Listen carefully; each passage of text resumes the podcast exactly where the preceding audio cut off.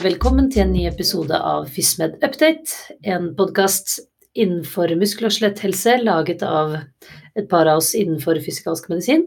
Og dagens tema er piriformis syndrom.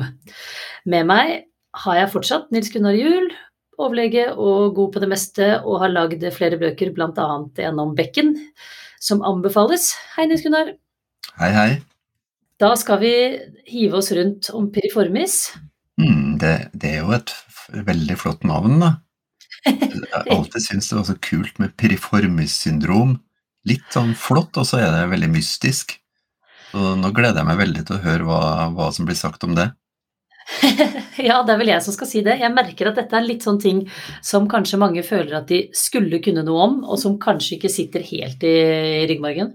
Mm, også litt skummelt. Litt skummel diagnose for mange, hører jeg og mye tanker rundt det. Mm, veldig. Ja. ja.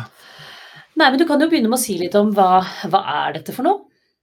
Ja, kanskje må ta litt historikk, for det, det er, dette her dukka jo opp i mellomkrigstida som en forklaring på utstrålende smerter til beinet. Og i mellomkrigstida så publiserte jo Mixter og Barr sine berømte artikler om ruptur i intervertebralskiva, som eh, påvirka nerverøttene. Det var i 1934. Og i forbindelse med det så ble det altså en erkjennelse av at smerter i benet kunne skyldes ting inni bekkenet. Så da kom det også en artikkel om eh, ilosakralleddet, faktisk. At det kunne gi utstrålende smerte samme året. Og rett etter krigen så ble den første artikkelen om piriformis syndrom publisert i 1947. Ehm, og da var det altså på bakgrunn av eh, opphavet til Ischias, da. Og dette her er jo ikke så veldig lenge siden, og det har jo prega historikken rundt eh, den tilstanden her i alle år, at det var noe som påvirka truncus regiadicus, altså noe som ikke var i ryggen. Ja, så det er eh, det er såpass, eh, holdt jeg på å si. Det, dette har ikke jeg tenkt så mye på, merker jeg. Akkurat, eh, akkurat sånn eh, hvem, hva, når. Men ja. um, det er jo, passer jo i den tanken om at man tenker at kommer det for ryggen, eller kan det være noe på vei ut? Det er vel det de fleste av oss har tenkt med piriformis. Mm. Og da, da er den, den, tanken som kommer etter, etter den historien her, det, det, er jo at det er noe som er i klem, da. Og at det er nerverøtter i klem, altså, eller helst truncus ischiadicus, som jo går ut eh, eh, og samler seg i bekkenet like ved piriformis, og at det er den som skal være i klem. Eh, det består jo av L5 og S1-fibre, og at eh, når den passerer forbi eller gjennom muskelen, så skal den bli påvirka slik at eh, det gir nerve, nerveutfall og smerter i beinet. Ja, for da kan du kanskje si litt mer om selve piriformisen, mus muskelbiten og den anatomien i, i indre bekken der? Ja, altså i etterløpet av, eh, av denne nye erkjennelse så ble det gjort en del anatomiske studier hvor man så på piriformis, og så ble jo den klassifisert da som en utadrotator og en liten muskel i, i bekkenet. Um, og det, den har jo liksom vært en utadrotator Eh, sånn med anatomisk forståelse. Men så etter hvert så har man jo skjønt at musklene fungerer sammen. Det, er jo kjent, veldig godt kjent i skulderen med rotatorcuffen og skulderbladets muskler osv. Men i hofta så har på en måte ikke det vært så kjent. Og, og piriformis er en av flere muskler som roterer og beveger hofteleddet for å gi god posisjon når vi eh, både står og går og løper og beveger oss på andre måter. Så det er en, en av flere muskler som hører til i, hva skal jeg si, hoftens rotatorcuff. Det er en eh, nokså liten muskel, men volumet til den muskelen der hos folk som er aktive, idrettsaktive, kan, kan jo måles til å være i hvert fall halvparten av gluteus medius. Så det er jo en, er jo en relativt stor muskel, da. Å ja, kan bli såpass stor. Jeg har tenkt på det som en liten flise. Ja, man tenker jo det. Og og husk på at de, de disseksjonsstudiene som ble gjort, ble jo gjort på kadavere fra gjerne gamle folk i 80-åra som hadde donert kroppen sin, og da var jo den fysiske aktivitetsnivået ganske lavt, så da var det disse tynne, små musklene som ble dissekert og beskrevet. Da. Men i realiteten, hos folk som er aktive, så er det en sånn relativt stor eh, pæreformet muskel. Da. Altså, piriformis betyr jo den pæreformede muskelen så, som ligger i dypet inni bekkenet der.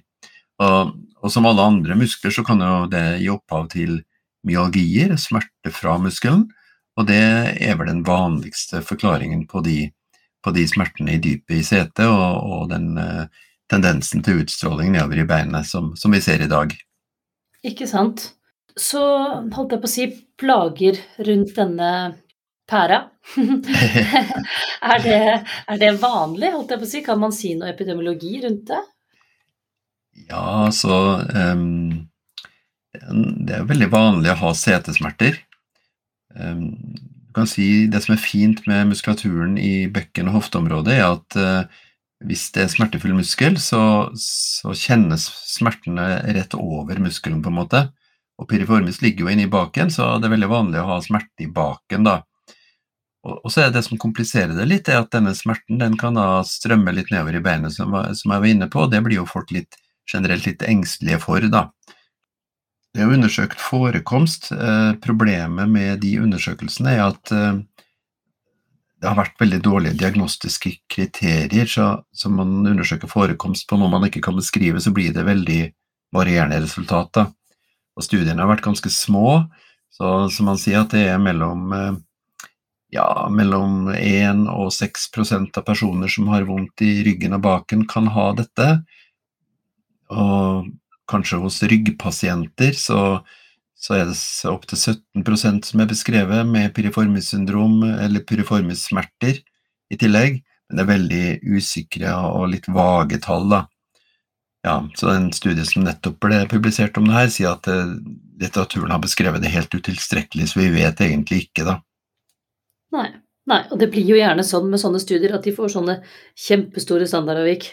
Ja, veldig. Og, og, de studiene som gjøres, er jo ofte i spesialisthelsetjenesten. Og hvordan det her fordeler seg ut i primærhelsetjenesten, er jo Det vet vi ikke helt eh, noe om, da. Og de, de studiene som gjøres ellers på, på behandling av piriformis-plager, det er også knytta til avklemming eller påvirkning av nerven i setet og der er det jo veldig små studier, da, og veldig lite antall. Og de som har hatt påvirkning av truncus sciaticus inni nerven, de har gjerne eh, tumor eller syster, eller de har hatt traumer som har knust muskelen, eller ja, andre ting som påvirker muskelen direkte, blødninger f.eks. Så, så det, er, eh, det er nesten aldri dette her oppstår eh, uten traumer eller skader eller tumor, da. Ok. Mm. Så du har ikke en primær piriformis av seg selv? Nei, i hvert fall hvis du tenker på affeksjon av truncus sciaticus, så Nei, jeg har i hvert fall aldri sett det. Um, og vi har gjort ganske mange nevrofysiologiske undersøkelser på disse pasientene. og det, det er nok bare knytta til traumer eller tumor, eh, som, som, jeg er inne på her, at jeg har sett affeksjon av truncus sciaticus i det området, altså. Men jeg tenker at det er jo veldig viktig å ta med seg. For det er jo veldig mange Nå jobber jo vi på en spesialisert muskel- og skjelettklinikk, men det er jo en god del som kommer med denne merkelappen, enten fra henvisende person eller um, at de har fått det, fått det fortalt. Mm. Og da er det jo sånn at mange av de har jo smerte, en smertefull piriformis, men det affiserer altså ikke nervesystemet, altså ikke truncus sciaticus. Så det å ha en myalgi i piriformis er veldig vanlig. Og, og, der ser vi jo at i f.eks. ryggpoliklinikker da, så er det en ganske stor andel som også har en smertefull piriformis på én eller begge sidene. Ja.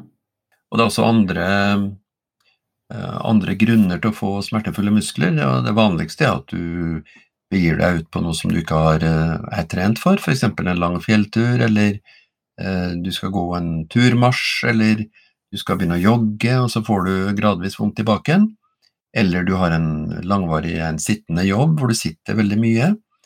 Og til og med en indisk studie her som, som beskrev eh, årsaker til eh, plager fra piriformis, beskrev at eh, de som hadde stor lommebok, de fikk trykk på piriformis. Er det sant? det er morsomt. Jeg ser for meg alle som satt på den store lommeboka si og klemte av. Det er kulturelt, altså at inderne må ha med alle pengene i lommeboka, jeg er litt usikker, men eh, Nei, men eh, fra, fra tull til alvor, skal jeg si. Altså det, det å få en overbelasta muskel i setet, det er veldig, veldig vanlig. Mm. Og både hos ryggpasienter, hos pasienter med koksartrose og pasienter som er relativt utrent. Derfor ser vi så ofte en øm, smertefull piriformis som kan gi, gi utstrålende refererte smerter til beinet. da. Ikke sant. Så det er ikke så veldig sjelden. Men det som er sjelden, er da en ordentlig ischias fra piriformis. Og det sier du, det kommer fra traumer eller kanser eller noe annet. Ja, det er stort sett. Du skal i hvert fall ikke sette i gang store, store ting for å prøve å undersøke det uten å ha traumer, vil jeg si. altså. Nei, nei. Men da er vi jo litt over i symptomene, som du nevnte, men det er smerter i setet. Ja, smerte i setet som, for, som, akkurat som eh, andre smerter i den, som muskelsmerter i den regionen. Det forverres når du bruker eh, muskelen en god del, og så får du gjerne verking på kvelden og natta. Eh, sånn det gjerne arter seg, da. Så blir du jo svakere og får enda mer plager osv. Så, så det er eh, det er det typiske bildet. Det er ikke noen andre, ikke noen andre funn egentlig enn fra muskulaturen som er, som er diagnostisk. Nei. Og den eventuelle radikulopatien, da? Mm. Altså, det er jo Hvis det er utstråling til eh, armer eller bein, så skal vi jo gjøre nevrologisk undersøkelse.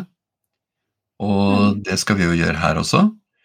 Og hvis den nevrologiske undersøkelsen er normal, så er det ingen nerverotsaffeksjon sånn som sådan.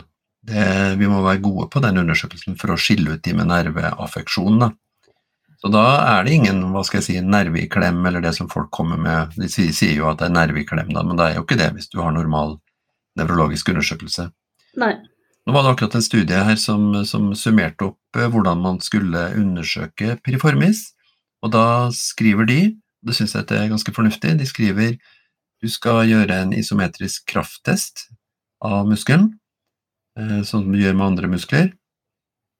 Du skal gjør en spesifikk tøyning av muskelen for å se om den er stram når du tøyer på den. Mm. Og da gjør de en sånn fader-test, altså fleksjon, adduksjon og utadrotasjon. Da blir muskelen lengst. Ja. Og så skal du papere i dypet, i, i der hvor du vet muskelen ligger, da. Og hvis du har positive svar på to av disse tre testene, så er det eh, svært sannsynlig en affisert piriformis. Ja, det var en fin. Det var uh, veldig kategorisk og greit. Ja, det er sånn som vi undersøker all muskulatur, egentlig. Altså ja. palpasjon, isometrisk krafttest og en sånn lengdetest for å se om muskelen er, er smertefull når du tøyer på den. da. Og hvis du er usikker, hvis det, hvis det er uh, noen mindre funn på nevrologisk undersøkelse, du, så du må gjøre uh, supplerende undersøkelser, så er det først og fremst uh, nevrografi du gjør da, en kombinasjon, en spesiell undersøkelse hvor du sender impulser inn i nervesystemet, inn via ryggmargen og ut, og så måler du forsinkelse, da. Altså hårrefleks eller F-respons kalles dette her, hvor du kan se på, se på, det. Og du må også ha da negativt MR-bilde av uh, ryggen, altså ikke ha noe radikulopati der, for det kan jo gi samme type svar, da kan du si. Ja. Ja, nå begynner vi å bli litt sånn nerdete her, det, men det, dette er sjelden, altså. Veldig sjelden. Jeg har sett veldig veldig mange av disse pasientene, og det er veldig veldig sjelden at vi tyr til det. Ja. Tyr det til noe annen uh, supplerende diagnostikk? Altså Mange av pasientene hos oss kommer jo med MR-bilder, og en sjelden gang så står det at enten piriformis har større volum på den ene sida, eller mindre volum. Og det er også beskrevet i litteraturen atrofi av eh, piriformis hos, eh, hos, friske personer. Så det er en stor grad av variasjon i volumet av de musklene. Så det tror jeg ikke man kan legge noe særlig vekt på. Nei. En sjelden gang så ser vi jo atrofi, men det er gjerne etter protesekirurgi i hofta, hvor kanskje det er nerveskade. Men nå er vi også over på det veldig, veldig smale, da, som folk flest ikke ser, da. Mm. Ultralyd er vanskelig, tror jeg, stort sett. Det er ganske dypt, og særlig hvis det er litt fett på baken, så er det ganske vanskelig. Så, ja. så jeg vil si at uh, supplerende undersøkelser det er først og fremst for å, å differensialdiagnostikk mot hofteleddsartrose og radikulopati fra ryggen. Ja, ikke sant. Fordi det er jo viktig at her må vi jo, som alltid, men særlig her så er det jo viktig at vi utelukker de andre tingene, da. Så Mm. da både gjennom anamnese og undersøkelse, særlig med tanke på radikulopati, Mm. og så eventuelt en generell lumbago, Mm. og som du sier, hofteleddet, da. Ja. Ja. Og så, så er det jo litt, selvfølgelig, i bekken og hofteregionen, så er det jo av og til noen spesielle ting som gir smerte. Altså indre organer kan jo gi smerte ut i regionen, prostata kan jo gi smerte ut i regionen, urinbær urinvær og så tarmer, som sagt. Og en sjelden gang så har det jo sakroileitt, altså revmatisk eh, sykdom, som bryter ut. Men det, det har jo litt annen klinikk, da, kan du si. Halevennssmerte er likedan, ikke sant. Men det, det er jo litt Lokalisasjonen er litt annerledes, og det er litt annen klinikk. ja. Så som alltid så må man ta en god anamnese. Ja, helt enig. Ok, men da har vi utelukket et par av de andre tingene. Hva, hvordan tenker du at disse skal behandles? Ja, eh, dette er jo ganske dårlig studert, faktisk. Eh, kommer igjen tilbake til den der forforståelsen av at det er noe i klem. så De fleste studier som er publisert rundt det, er små grupper, og det, det er fokus på nerve og, og mekaniske årsaker til, eh, til at uh, truncus ischiadicus er affisert. Men nå, ble det gjort et, uh, nå gjorde jeg et søk i, i år, Uh, fant fire RCT-er og en litteraturoversikt fra 2021 som så på hvilke behandlinger man skulle gjøre da. Det er jo et godt utgangspunkt, så hvis du vil, så kan jeg si litt om hva den systematiske oversikten viste, da. Gjerne. Veldig spent. Vi anbefalte sterkt eh, å begynne med enkel eh, behandling, som også ble beskrevet som effektiv. Og det besto, besto av tøyning av piriformis, og de anbefalte å inkludere tøyning av lumbosakralovergangen. Og som du ser på, på ryggpoliklinikken vår, så ser du jo veldig mange som er stive i lumbosakralovergangen også. Så det å få opp funksjonen der, og tøye piriformis, det ble anbefalt som den beste behandlingen for disse plagene her. I tillegg så, så er det evidens for at bløtdelsbehandling og påfølgende treningsprogram av eh, muskelgruppen gir eh, reduksjon av symptomer. Og dette er jo veldig fornuftig og veldig enkel muskulær behandling. Og det passer jo da egentlig med tanken om at dette er At det kommer fra den, den ene muskelen. Ja, og, og den, den der systematiske oversikten faktisk, skriver faktisk at, det- at det er opptil 95% suksess ved den type behandling, eh, hvis det ikke er noen andre kompliserende faktorer, og at 50% av pasientene er smertefrie etter tre måneder. Det er jo en ganske imponerende resultat for litt langvarige muskel-skjelettplager. Så gjør det enkelt i starten, så går dette bra for veldig mange. Men det var jo veldig nyttig, både med hva man skal gjøre, men også det å kunne si litt om prognosen. Mm, så det er viktig informasjon av pasienten. Da, så, så, det, så det der med å instruere i tøyning Nå har vi jo eh, bilder av noen tøyninger eh, i den episoden som heter laterale hoftesmerter. Og, så det kan man gå inn og se på. Veldig enkle tøyninger som de fleste av oss kan gjøre. Ja. God idé. Men hvis man da prøver dette iherdig, og det ikke går Det Mm, fins jo alltid de. mm. Har man noe mer å spille på da, eller? Ja, altså Jeg har jo jobba med det her i mange år, og det er nok ingen som driver med invasive behandlinger som jeg kjenner, i hvert fall i Norge.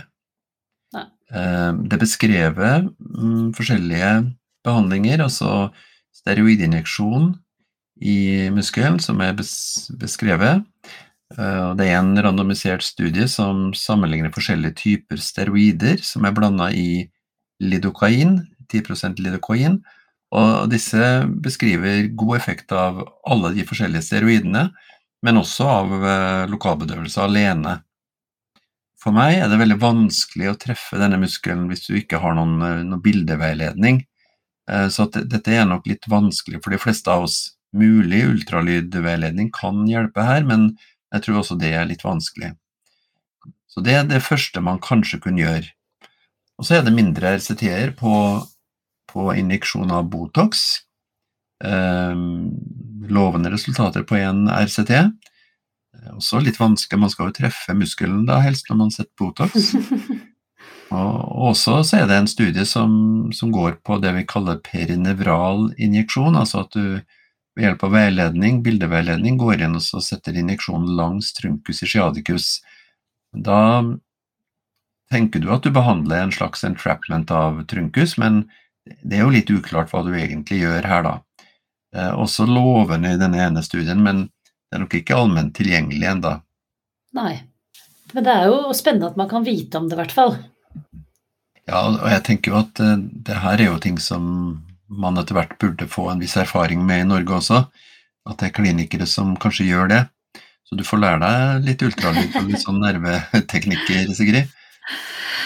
Men uh, jeg syns det er interessant, særlig den Botox-biten, fordi um, det er jo flere steder at det faktisk um, har litt effekt. Så det er jo egentlig veldig spennende. Det er veldig spennende, så Men det er litt dårlig studert, altså. Og det samme er jo med, med kirurgisk behandling. og det, det, er to forskjellige teknikker der uh, når det gjelder dette. Jeg vet ikke hvor mye vi skal gå inn på det, men altså, sånn grovt sett så den ene er å fripreparere truncus ischiadicus, altså nervetrunkus. Og den andre teknikken er å kappe av sena til piriformis ved trokanter, sånn at muskelen ikke skal ha så mye spenning i seg. Men uh, her finnes det jo ingen RCT-er, det er bare noen sånne kohortrapporter, og det, det, er jo ikke noe man skal gjøre sånn, tenke på å gjøre sånn uten videre, tenker jeg da. Nei, jeg tenker at da, nei, da bør man virkelig ha prøvd en god del andre ting først. Ja, så bør det være, det bør være objektive funn som, som kirurgen kan gjøre noe med, da. Ikke sant. Helt mm. enig. Mm. Ok, men hva tenker du man skal gjøre som fastlege? Altså, når jeg holder kurs for fastleger, så er det jo mange som syns dette er en litt sånn vanskelig region. Man lærer seg å undersøke, men det er jo det første man skal lære seg. altså Få et forhold til smerter i sete og laterale hoftesmerter, og lære seg å undersøke disse, særlig gluteus medius piriformis, så man blir litt trygg på det. Mm. Og så når man klarer å finne ut hvor smertene kommer fra, så er det jo ganske enkelt. Da er det få pasienten til å tøye muskulaturen i baken, den som er kort, og så begynne med et veldig lett og enkelt treningsprogram. Og det, etter min, min, mening så kan det være svømming, sykling, gå turer, gjøre enkel styrketrening. Det, det, spiller ikke så veldig stor rolle hva man begynner med, bare man gjør det litt regelmessig to, tre, fire uker. Så får man ja. et veldig godt inntrykk av hvordan dette virker. Ja. Og det tenker jeg det kan jo enhver god fastlege begynne med. Ja, jeg tenker det. Altså, det er den tryggheten på å kunne liksom identifisere plagen, da. Og, og, eller at du samarbeider med en flink med en fysioterapeut som er interessert i det her, og som, som kan hjelpe pasienten, da. Det, det, er jo selvfølgelig neste step å, å henvise til, til fysioterapeut. Ikke til bildediagnostikk, men henvise til fysioterapeut for, for hjelp. Ja, ja. Helt enig. Og det er jo en del fysioterapeuter som er flinke på bekken. Absolutt. Det er ma veldig mange dyktige fysioterapeuter, så, så her får man hjelp. Ok, så en liten oppsummering av dette litt smale, men uh, syns vi viktige tema, fordi det er jo noe de fleste har hørt om, er at piriformis syndrom er uh, springer ut fra musculus piriformis, som sitter som en utadrotator i indre bekken, og et helt piriformis syndrom er en avklemning av nervus ischiadicus som går ut gjennom der, det i seg selv er ganske sjelden. Da skal man ha en traume eller en, en svulst eller noe eh, som virkelig klemmer av. Men at muskelen i seg selv er både kort og øm og smertefull, og også som kan gi sekundær stråling, det er ganske vanlig. Mm. Og det ser, det ser, vi mye av både isolert hos eh, hoftebekkenpasienter og også rygg. Så derfor må vi kunne noe om det og prøve å, å kunne undersøke dette, og da må man undersøke både ta en anamnese og undersøke godt med tanke på rygg og bekken, og utelukke, utelukke, andre ting. Og så rett og slett eh, teste muskulaturen her og tøye og strekke og se om man får provosert det. Mm. Og hvis man da har utelukket disse andre tingene og står igjen med det man tenker er en piriformis, så blir behandlingen da å eh, informere om det, for det første, men også da å prøve å tøye denne muskelen samt med noen enkle øvelser for å komme litt i gang. Mm.